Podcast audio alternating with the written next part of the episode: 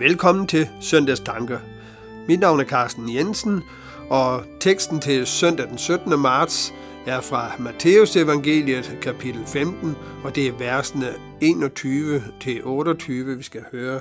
Det er om den kananæiske kvinde. Men øh, inden vi læser den, skal vi høre sangen Bøndens magt. Jeg knæler ned stille bønn til deg. Jeg er uten kraft, lik treet uten saft. Og jeg sukker etter svar, og befalingen er klar. Du sier den gikk ut, for bønnen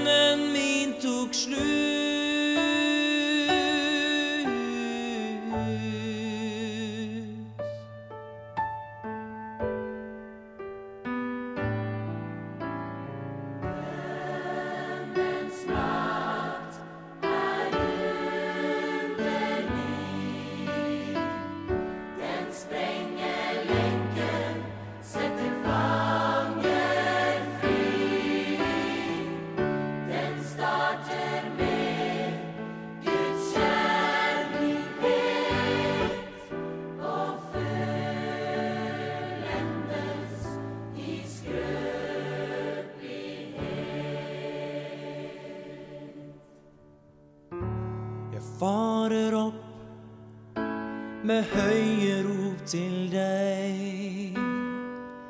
Jeg er som her, og du er ikke nær. Når vil tegne vise sig? Tænk om jeg kan være nej. Men jeg håber du har magt og sidste ord er sagt.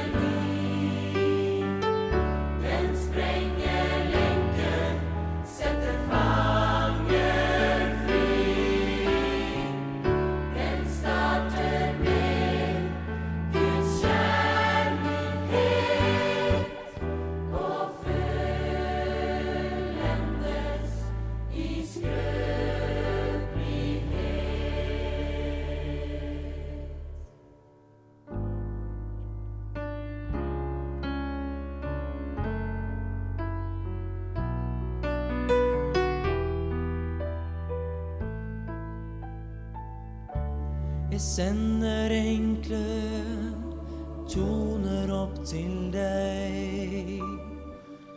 Jeg er uten svar, men lovsangen jeg har.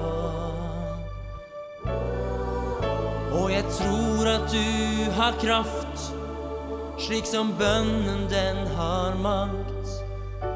En tone ren og klar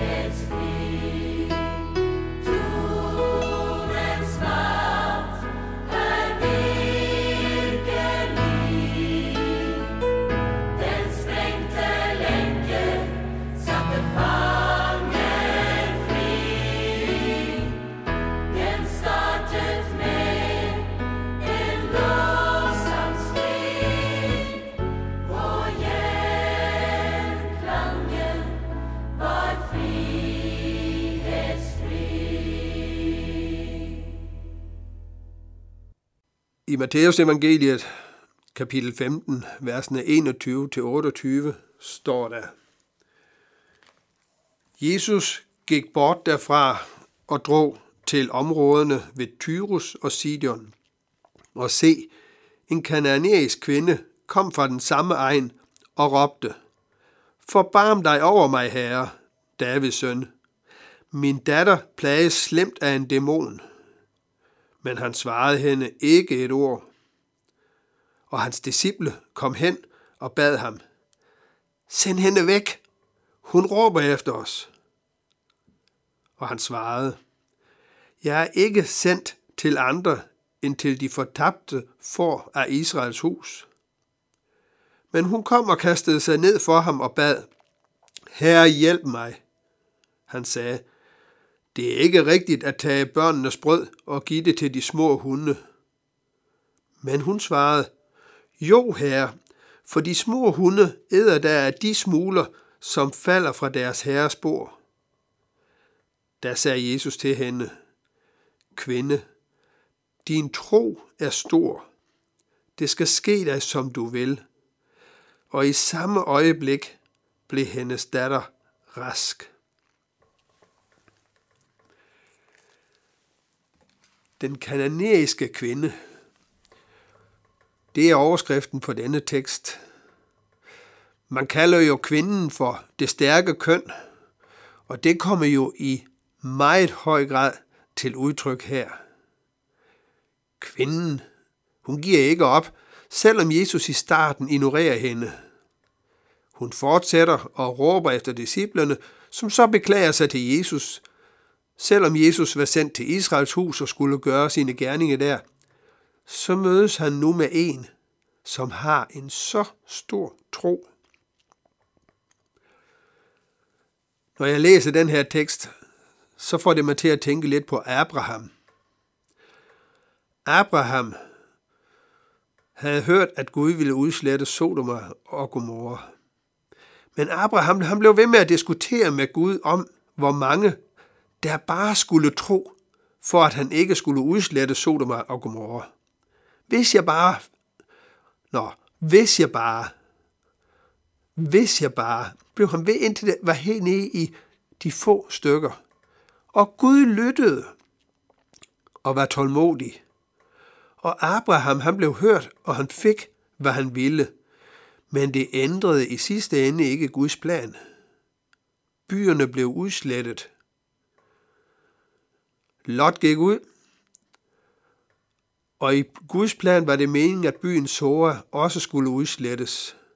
Lot han skulle bare skynde sig ud til bjergene.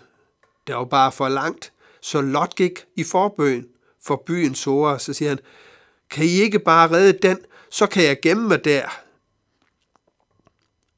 Og det blev hørt, og det fik han lov til, selvom det egentlig ikke var planen. Nu hører vi så om en kvinde, der går i forbøn for sin datter. Hun var vedholdende, og Jesus lyttede til hende. Gud lytter. Han vil, at vi skal komme til ham med vores ønsker. Mange helbredes også i dag igennem forbøn. Det er ikke fordi nogle mennesker har specielle evner. Nej, det er fordi de spørger Gud, om han vil gøre et menneske rask. Det er måden, vi skal komme til Gud på. Ikke gennem noget menneskestyrke eller kraft skal det ske. Nej, igennem min ånd, siger Herren. Når vi kommer til Gud, er der ikke noget, der er for stort eller for småt. Gud hører på os, som en god far hører på sit barn. En god far kan sige både ja og nej, men han kan også sige vent til senere. Det er Guds forunderlige måde at være på. Min datter var på bibelskole nede i New Zealand, og som en del af, af skoleforløbet, så skulle man i praktik ud og give en udragt hånd til et sted, hvor man har det svært. På en tur var de sendt til Nepal. Nepal er jo en befolkningsgruppe, der har rigtig mange guder. Men de tog afsted i en gruppe der og vandrede rundt op i bjergene. Og de kommer til en landsby, hvor hovederhvervet har været minedrift. Men igennem sang og dans og forkyndelse med ganske vist en tolk på, fortæller de om, at der er en Gud, som er langt større og som gerne vil have noget med dem at gøre. Det blev taget imod. Da de var færdige med at fortælle om, at Gud vil have noget med dem at gøre, så siger de, Gud vil også høre på jer, når I beder til ham. En mand kommer hen til min datter og siger, jeg har simpelthen arbejdet i minen i så mange år, men min ryg er helt, helt skæv. Jeg har så ondt i ryggen, og har haft det i mange år. Tror du, at jeres Gud, som I fortæller om, kan gøre sådan en ryg rask? Kan I helbrede mig, siger han. Men de må så sige til ham, nej, det kan vi ikke. Men vi kan spørge Gud, om han vil gøre det. Og så bad de for manden, lagde hænderne på ham. Og i samme øjeblik forsvandt smerten i ryggen, og han var rask. Der var flere, der så det, og flere kom med deres skavanker. Der blev bedt for dem alle, og alle oplevede de at blive rask. Det var ikke fordi, de havde særlige evner. Nej, de spurgte bare Gud, vil du gøre et under her? Og de her folk havde brug for at se, at der var en Gud, der var større midt i den verden, de levede i med så mange forskellige guder. Her var en, der havde kærlighed og ville vise dem noget. De kom til ham, og han lyttede til dem. Det er bøndens forunderlige måde at blive brugt på. Vi kan bede, og nu skal vi høre en sang, der hedder Bed igen, og det er med gruppen Nordlyd.